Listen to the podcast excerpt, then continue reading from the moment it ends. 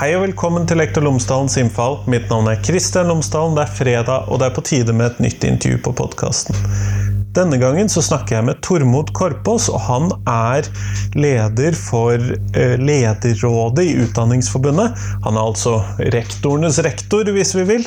Det er litt flåsete tittel, kanskje, og jeg tror ikke han ville brukt den selv, men han er i hvert fall lederrepresentant i ledelsen i Utdanningsforbundet. Og det er derfra vi snakker med han i dag.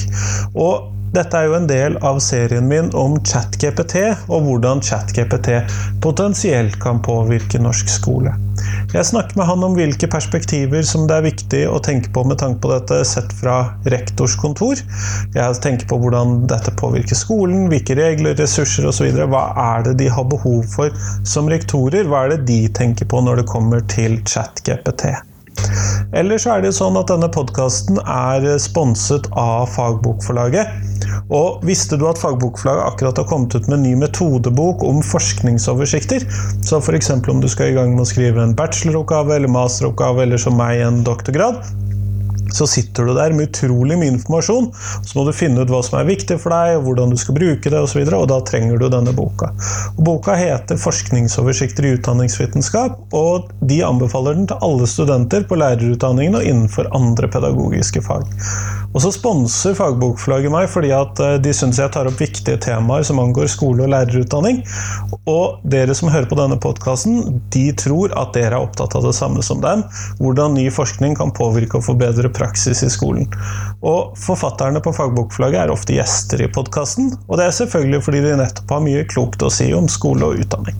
Men nå, nå får du Tormod Korpås, vær så god.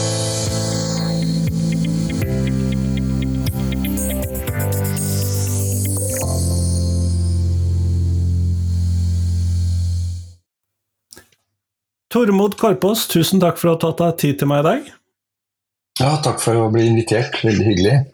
Før vi kommer sånn ordentlig i gang med intervju, så hadde jeg håpet at du kunne fortelle lytterne mine tre ting om deg selv, sånn at de kan få bli litt bedre kjent med deg. Tre ting, ja. Men det skal jeg klare.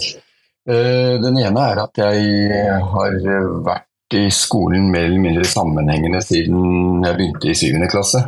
Eh, så jeg er en skolemann. Eh, jeg har tatt eh, geografi på Universitetet i Oslo og eh, endte opp i skolen som først som, som, lærer i naturfag og matematikk, og etter hvert som, som leder. Og så har jeg også gått fra å være eh, tillitsvalgt til å være leder, til å være tillitsvalgt til å være leder i flere omganger, så jeg er vant til å gå fra side til side i, på bordet. Kjempeflott. Det var én ting. Du ja. vil kanskje ha flere? Ja, jeg ville det. ja, dette, dette, er nesten litt relevant, fordi at jeg var så heldig at jeg ble spurt om å sitte i Ludvigsen-utvalget i sin tid, i 2014. Altså de som skrev eh, NOU-ene om fremtidens skole, og som, som, ligger til grunn for hele fagfornyelsen. Og Det syns jeg var veldig veldig spennende. og Der hadde vi jo også, eh, som en av de store utfordringene fremover i scenarioene, hadde vi dette med digitalisering.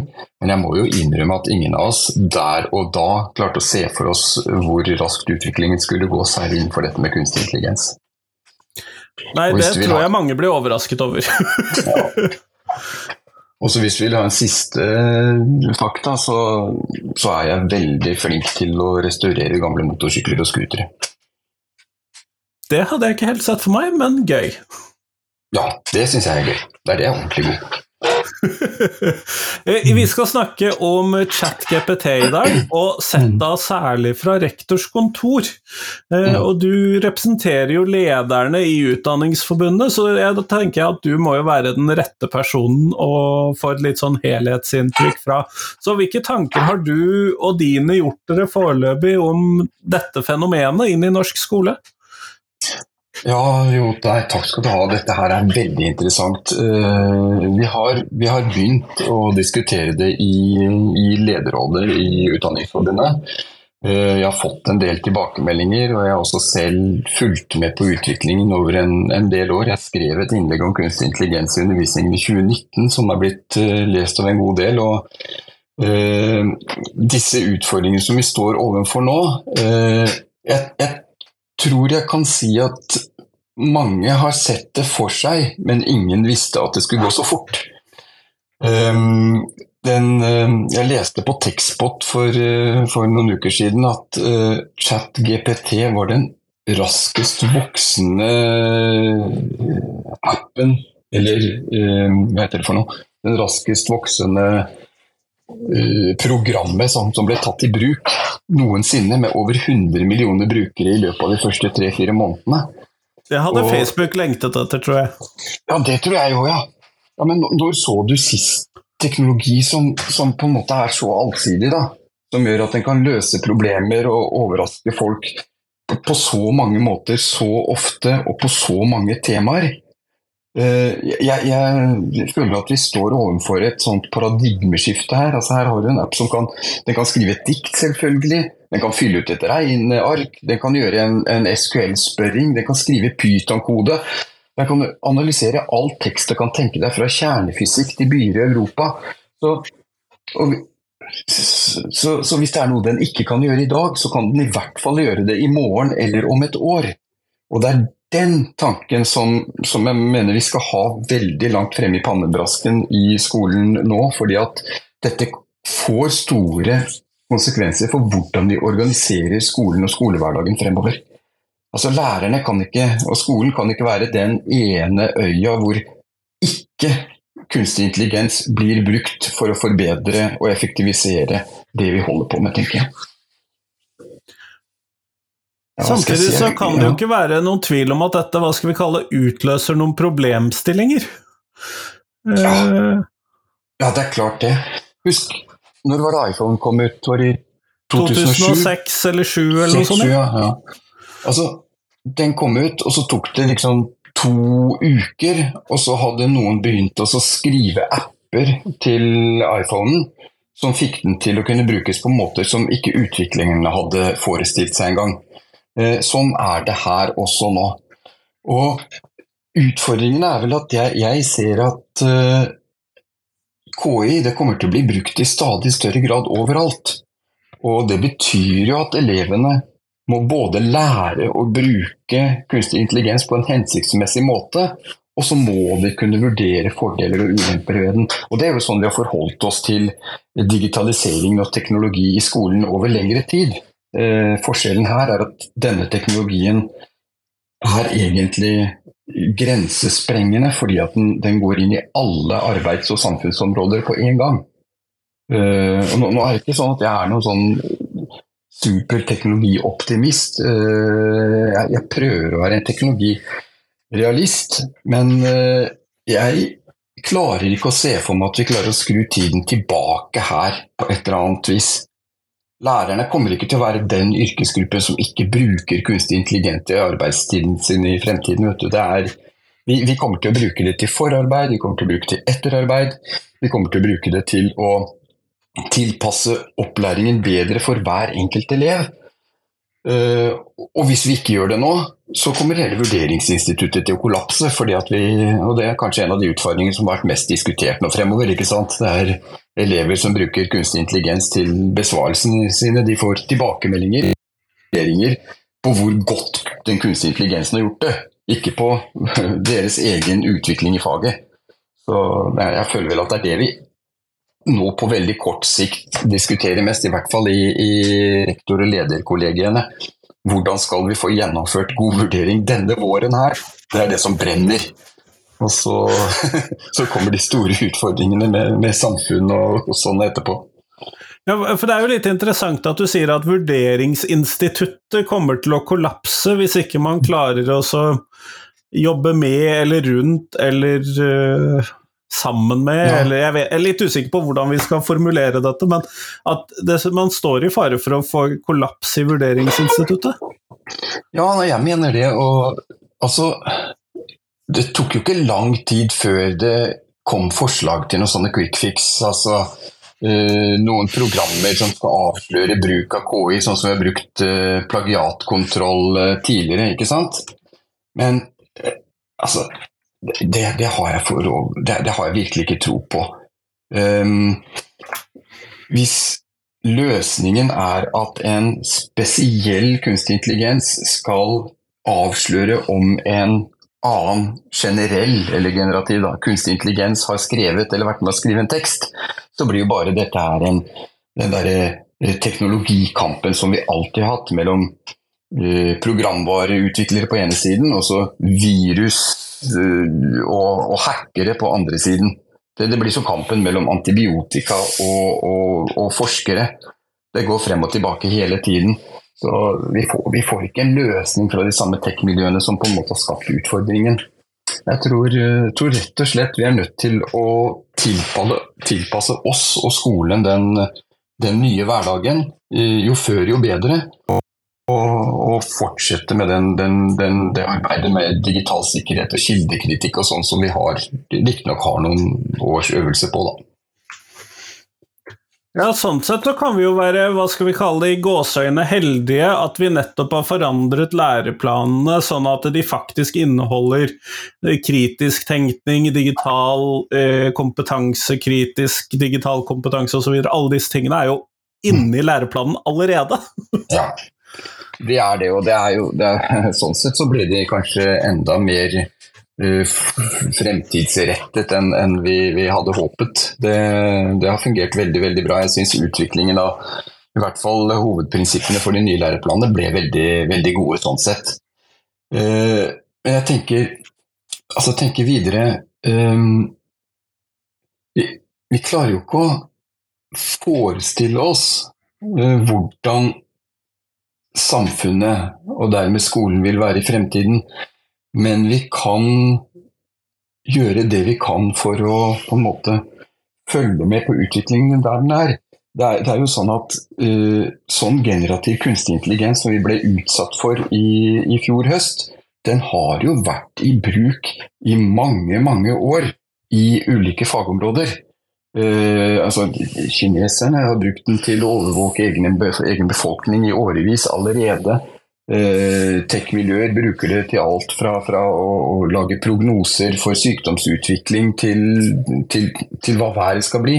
Så Det er nytt for oss, dette her. Men det er helt klart at det finnes mange miljøer som ikke vi er kjent med, som har jobbet med både etikken rundt bruk av kunstig intelligens og forsvarligheten rundt bruken av det.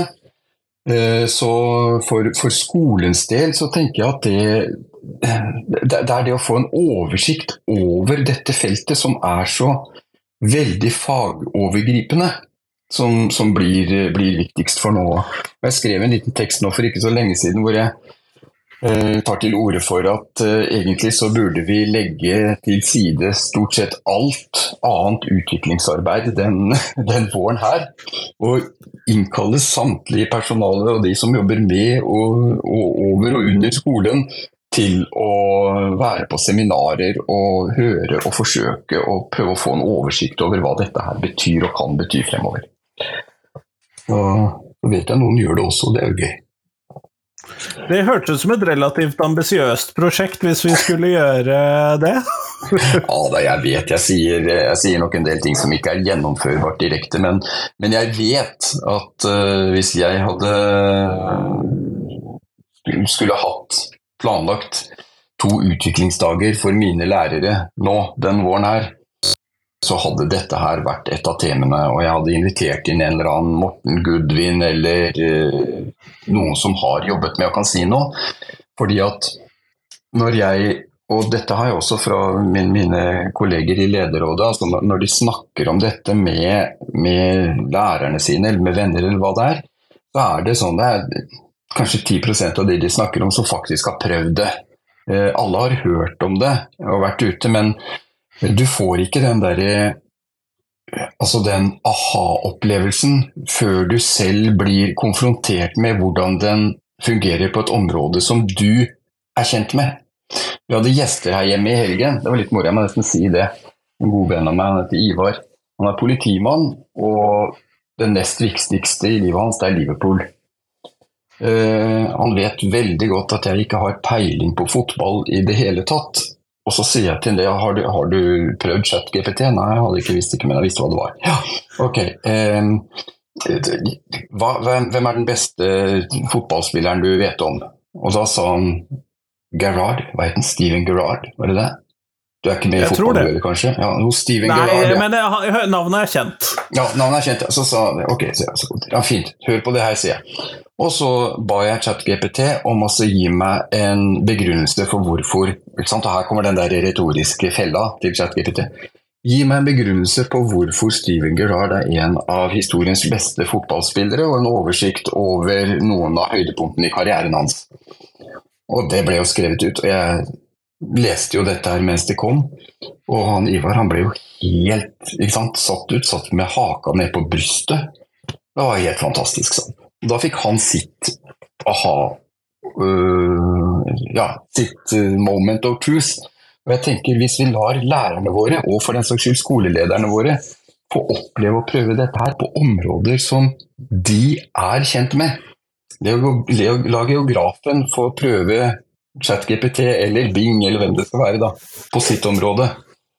Norsklektorene, landslag for norsk, har jo vært tidlig ute og sett eh, utfordringene knytta til dette her. Men da, da, da tror jeg vi hadde fått uh, i hvert fall satt i gang en, en god diskusjon i, i skolemiljøene våre. En av de tidligere intervjuene som jeg har hatt på dette temaet her, det var eh, Roar Ulvestad, som jeg mistenker at du kjenner. Ja da, vi er, vi er gode venner. Vi, vi har litt ulikt uh, syn på noen saker, men i hovedsak er vi enige om det meste. En av de tingene han trakk fram, var rett og slett at uh, nå var det et krav om eh, Nå måtte politikerne faktisk bidra inn med ressurser og sørge for politisk styring på noen ting, og det var nødt til å eh, Man måtte få verktøyene man trengte for å håndtere dette i skolen. Da. Hvordan, eh, hvilke verktøy, og hvordan ser du Hva trenger du som rektor? Ja, si det. Eh, altså det samme, det samme som eh, alltid, egentlig. Eh, vi trenger fra myndighetenes sted så trenger vi retning, og vi trenger rammer. Eh, men vi trenger ikke det som vi fikk de, si, har fått de siste 20 årene og frem til helt nylig. altså oppskrifter for hvordan politikere eller myndigheter mener de bør gjøre ting. Eh, Den, den greia der, den, det har vi vært gjennom nok, altså. Så, og dette, dette gjelder data, dette gjelder kunstig intelligens, det gjelder lekser og ikke, ikke sant? Jeg, jeg, jeg, jeg blir ikke bare lei meg, jeg blir også provosert når jeg, når jeg leser at nye kommunestyrer har vedtatt at det skal være leksefrie eller leksebevisste skoler i hele kommunen. Det høres jo helt fantastisk ut. Eller sånn som vi hadde tidligere, når kommuner vedtar at her skal vi bruke iPad i undervisningen. Det er ikke der det skal foregå. ikke sant? Det er, det er på skolen, det er profesjonen, det er vi som jobber i skolen som bør kunne ta de valgene om hvilke hjelpemidler vi skal bruke, hvilket innhold vi skal vektlegge. Og Sånn er det også innenfor dette her. Eh, Det jeg vel kunne ønske meg, og nå har det jo begynt å komme noe, det er at eh, direktoratet samler en del ressurser og kunnskap rundt temaet eh, kunstig intelligens. Eh, vi har jo hatt, eller vi har vel en strategi liggende, så vidt jeg husker. Men, men i hvert fall, det, det, er, det, det, er det jeg forventer fra, fra myndigheten. En kunnskapsoversikt hjelper oss med å sette opp eh, caser som gjør at vi kan, kan bruke det til, til våre, vår egen kompetanseutvikling på skolene. Um, utstyr er vi er ikke egentlig på den eh, greia foreløpig. Alle har en uh, telefon, og det begynner å bli ganske god PC-tetthet ute i skolen også, så det er ikke det det står på. Nei, akkurat dingsene er jo nå sørget for i relativt uh, stor grad. Ja, det Eh, Sånn at de bør jo være tilgjengelige der ute. ja. Men det vi Altså, det vi Det blir fare for å gjenta meg selv, men um, Jeg ønsker at skolen ikke skal være den som henger etter her. Jeg syns det er veldig bra at skolen har en viss inertia altså når det gjelder det, det som skjer av, av utvikling i samfunnet sånn, sånn generelt. Eh, men akkurat her eh, Jeg tror det, det, teknologiske skiftet vi står overfor nå eh, altså På kort sikt så kan dette gi gi opphav til uro. Økonomisk, sosial, politisk. Det kan gi uro knyttet til arbeidsplasser. Den, den, den, gamle mister lærerne jobben sin, mister andre yrkesgrupper jobben sin pga. dette. Den, den bekymringen er reell, og den bør vi på en måte diskutere og drøfte nå. Nå her og nå på kort sikt. Men på lang sikt så tenker jeg at vi, vi skal i skolen uh, utforske hvilke Hvordan kan denne og det vi vet om, om digitalisering uh, bidra til økt velstand da, for, for, alle gruppene i samfunnet? For uh, det, det, økonomisk velstand, helse altså Dette her er verktøy som elevene våre kan bruke til å, å løse klimakrisen, energikrisen fremover. Når, når, hver enkelt av oss har en, en, en personlig assistent. Så, ja, jeg kommer til at, tilbake til at jeg mener det, det viktigste vi gjør i skolen nå, det er rett og slett å rydde plass til og se på hvordan dette her kan påvirke de fagområdene og kompetansemålene vi allerede har. Og ikke late som om det ikke fins, for det går ikke an å lukke ørene og gjorde sånn som vi prøvde å gjøre på, på begynnelsen av 2000-tallet. ikke sant? Begrense tilgangen til internett, og dette klarer vi å regulere. Jeg tror ikke vi klarer å regulere det, Christian. Nei, og det, dette med å begrense tilgang til internett ser jo ut til å være årets løsning for de skriftlige eksamene, i hvert fall. Ja, og det... det er heldigvis ikke penn og papir. Nei, Nei men jeg, jeg det, Og det Altså, jeg, jeg, kan nesten ikke se for meg noen annen eh, løsning for, for årets eksamen. Uh, men, men, jeg tror også de aller fleste av oss skjønner at det er ikke en, eh, en vei å gå altså for, for, for, all fremtid. Uh, vi kan ikke lage en, en situasjon rundt uh, vurdering og eksamen som er helt ulik den situasjonen som er utenfor eksamensrommet på lang sikt. Men nå, når vi har et vurderingssystem som ikke tar inn over seg at uh, det finnes kunstig intelligens som kan hjelpe folk til å stå Altså, jeg tror faktisk jeg skulle klart uh, førsteavdeling juss med hjelp av en eh, KI.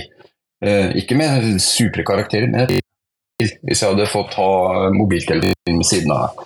Så, så du, vi, vi, kan ikke gjennomføre eksamen på en vanlig måte med tilgang til, til kunstig intelligens. Det er helt opplagt. Og så håper jeg jo at noen som du snakker med fremover, faktisk er såpass smarte at de klarer å komme på andre løsninger for fremtidens vurderingssituasjoner. Da. Ja, og dette er jo noe som kanskje er det mest spennende i dette. Dette her med hva, hva slags type vurderinger ender vi opp med. Og jeg tror ikke det har vært noe tvil om at jeg har vært kritisk til dagens eksamensform, f.eks. Sånn at men det blir jo litt Ok, dette er situasjonen, jeg henter fram kjepphesten min, og så slår jeg den. ja, ja, jeg vet. Jeg hørte det var en leder Nederland som sa så dette her er jo fullstendig kroken på døra for all mappevurdering i all fremtid, sa han. Uh, og, det, og, det, kan det jo være, i hvert fall hvis vi ser for oss dagens mapper. Og skal begynne å, å vurdere, eller fortsette å vurdere det på samme måte som vi har gjort tidligere. Så så jeg vet ikke hvordan det stemmer med din overbevisning, Kristian, når du sier at dagens eksamensordning er uh, så som så. Ja, det er jo litt synd, for jeg har jo ment at mappevurdering ja. kanskje er det som burde være løsningen. ja, men hvordan ja. Hvordan skal du sikre at nei, nei. Hvordan skal du sikre at det som er i mappen, faktisk er eleven? Eller tenker, eller tenker vi rett og slett at vi skal ikke skille mellom elev og elevens bruk av eh, sin personlige assistent. Kanskje det er det vi etter hvert kommer til å vurdere. Eleven og elevens eh, forlengede bevissthet. Med mindre vi kommer i den situasjonen at disse robotene kan oppdage hverandre og seg selv i så stor grad at vi faktisk kan plagiatkontrollrette det for det, men det blir jo på en måte bare å fjerne det, akkurat som vi gjør når vi nå sier at ChatGPT kan man ikke benytte på eksamen, derfor sperrer vi nettsiden. Ja, ja, ikke sant. Og da egentlig så, så kom vi jo der til den at ja, da, da klarte vi å gjøre oss selv helt overflødige. Ved at vi, vi har KI-er som skriver tekster om temaer, og vi andre KI-er som retter og vurderer dem og gir tilbakemelding. Og så kan vi lene oss tilbake og se på hele som om det er en eller annen bortekamp på en eh, stadion. Men jeg ser jo det at du mente noe om eh, kunstig intelligens og faren for å møte kunstig intelligente lærere i skolen allerede i 2019? Ja, stemmer. Det var eh, etter at jeg hadde lest en av disse bøkene til Max Tegmark, var det vel, om, om kunstig intelligens. Det var det som åpnet øynene mine for, for hvordan vi På hva vi, vi har foran oss, egentlig. Og i den teksten der, hvis jeg ikke husker helt feil, så så skisserte jeg jo faktisk det. Men der var jeg litt sånn kritisk, fordi at det Jeg var jo redd for at myndighetene plutselig skulle bestemme at vi skal bruke det og det og det programmet, fordi at her viser forskning, der kom de anførselstegnene, at eh, ved bruk av dette læringsstøtteprogrammet så får alle elever bedre karakterer. Så, så jeg, jeg, så, jeg, skisserte i den, jeg skisserte altså at en skole i nærmiljøet mitt inngår avtale med et eller annet stort teknologiselskap. Det kunne være Google eller Microsoft eller Apple eller eller et kinesisk, for, for, alt jeg vet. For å ta i bruk et sånt KI-basert læringsprogram. En lærerassistent. Og da så jeg for meg at det var lærerne som brukte kunstig intelligens. Uh, og den kunstig intelligensen den hadde da fått tilgang både til data om læreren, for den hadde jo selvsagt skanna Facebook-siden til læreren og alt han hadde skrevet og kjøpshistorikken og sånn, så kjente læreren veldig godt. Så godt at uh, den var den beste assistenten læreren kunne ha. Samtidig så, så jeg for meg at en slik kunstig intelligens kunne samle inn data om eleven og hver enkelt elev, og basert på det lage, bidra til å lage et veldig godt personlig tilpassa opplæringsløp da, for, for, elevene. Men jeg må jo si da jeg skrev dette her, så, så, følte jeg at jeg skrev eh, science fiction. Jeg trodde vel egentlig ikke at det skulle komme noe som var så nær allerede i 2023. Så ja. Ja, men man kan bli overrasket av og til over utviklingen. ja, det, det, det, det, er, helt sant. Men det er jo øh, altså, jeg tror vel egentlig at de utfordringene som vi allerede har i dag, det er de, det er de vi, vi, kommer til å fortsette å ha fremover, men i større grad. Jeg tenker på, jeg tenker på datasikkerhet, ikke sant. Eh, og, og, ikke minst, du nevnte i stad dette med kilde, kildekritikk. Altså, det vi har sett her nå, som, som jo er ganske underholdende, vil jeg si, det er jo at vi kan spørre disse her eh, kunstige intelligensene om noe, og så vet de ikke helt hva de skal svare, men de klarer å uttrykke seg så overbevisende, altså, på en måte som får lystløgnere til å rødme av beundring. Eh, og da, da, da, blir kildekritikken vrient, altså, når du skal begynne å diskutere med en AI som ikke vet hva den eh, vet hva fakta er, men som er hva skal vi si, satt på sporet, og man skal i hvert fall overbevise deg om at den har rett. Så der har vi noen nye, nye morsomme utfordringer i, i fremtiden, det er helt klart. Eh, jeg vet ikke om du hørte den episoden jeg laget om ChatGPT, som var den første episoden min hvor jeg stilte skolespørsmål til uh, ChatGPT, og så fikk Word til å lese det opp. Og det må jo sies at jeg tror den største utfordringen der er Words leseevne, mer enn svarevnen til ChatGPT. Ja, vet du hva, det, jeg måtte jo høre den, eh, så den hørte jeg med en gang den kom. Og jeg må si at der er det sånn at eh, formen skjemmet innholdet, Christian. Fordi at den, eh, den oppleseren til Word, den, den, altså den, får jo Stephen Hawking til å fremstå som en poet i forhold, ikke sant. Det, det, var, så, det var så vondt å høre på. Og jeg måtte skru ned den episoden på 0,75 nei, eller ja, 75 hastighet for å klare å forstå hva hun sa. Men, men når det er sagt eh, det, var, det, var, ordentlig interessant at du gjorde den, eh, den øvelsen så tidlig. Eh, men hvis du hadde fått Solveig Kloppen eller en eller annen profesjonell nyhetsoppleser til å skrive svarene, så hadde det blitt overbevisende på en helt annen måte. Nå, sånn som det ble der, så jeg syns, jeg syns ikke Maskinen kommer så tydelig fram ja. gjennom den bruken av Word. sånn at med et menneskelig opplesning så ville det vært noe annet. Ja, det jeg tror det. altså. Jeg sier, få Solveig Kloppen til å skrive, synge, nei, synge komme de svarene der. Det hadde vært så gøy. Da hadde vi tatt det som god fisk, alt sammen med en gang. Og det er jo potensielt noe av det som er vanskelig i dette, fordi at det blir så realistiske svar. Mm. Og det mm, hjelper jo maskinen i å overbevise oss her. Ja, og her har du jo altså de virkelig store utfordringene, tenker jeg. Vi, jeg nevnte jo tidligere dette med hvordan Kina bruker kunstig intelligens for ansiktsgjenkjenning, og de har dette programmet sitt for å rangere borgerne som rulles ut i fullt tempo. Eh, jeg ser jo for meg at denne type verktøy i feil hender kommer til å bli brukt til å kunne kontrollere mennesker i, i stor grad. Uh, altså vi, vi, er godt forankra i det vestlige liberale verdi- og tankesettet, og det er våre elever og skolen er forpliktet på det. Uh, men, men, vi vet jo også, vi ser jo hvordan det er i verden, at det er helt andre typer ideologier og verdisett som utfordrer våre.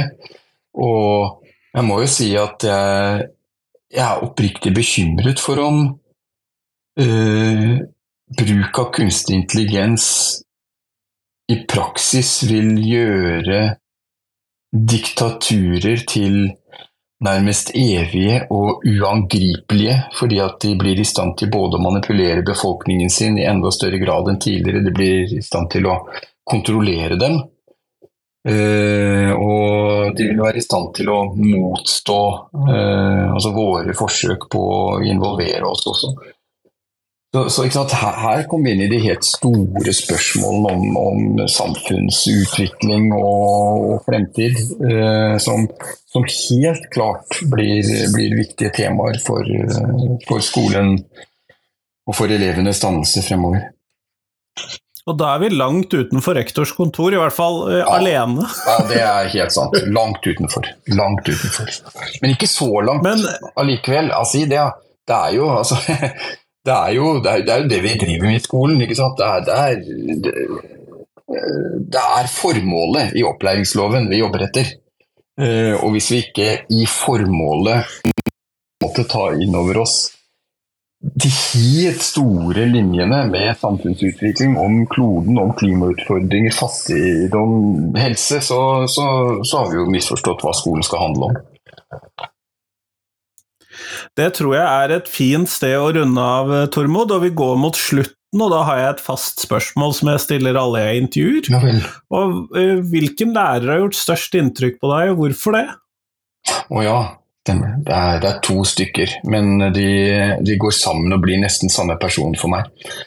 Eh, på barneskolen var det læreren min Terje Engemo som var kontaktlærer, og han var det vi i dag vil kalle streng, men rettferdig. Uh, han uh, hans, ja, hva skal vi si han, han, fikk oss til å være nysgjerrige. Han ga oss frihet til å være gærne, men allikevel klarte å hanke oss inn når vi gikk for langt. Og akkurat det samme var med kontaktlæreren min på, på ungdomsskolen. Knut Arne Jappé. Det var akkurat samme typen. De var ikke i slekt, og de har ikke gått på samme lærerskole engang, men de var av den, de var av den typen. Det høres veldig bra ut, Tormod. Tusen takk for at du tok deg tid til meg i dag. Takk for at jeg fikk komme. Du får ha en riktig fin uke videre. Du òg. hei. hei. hei.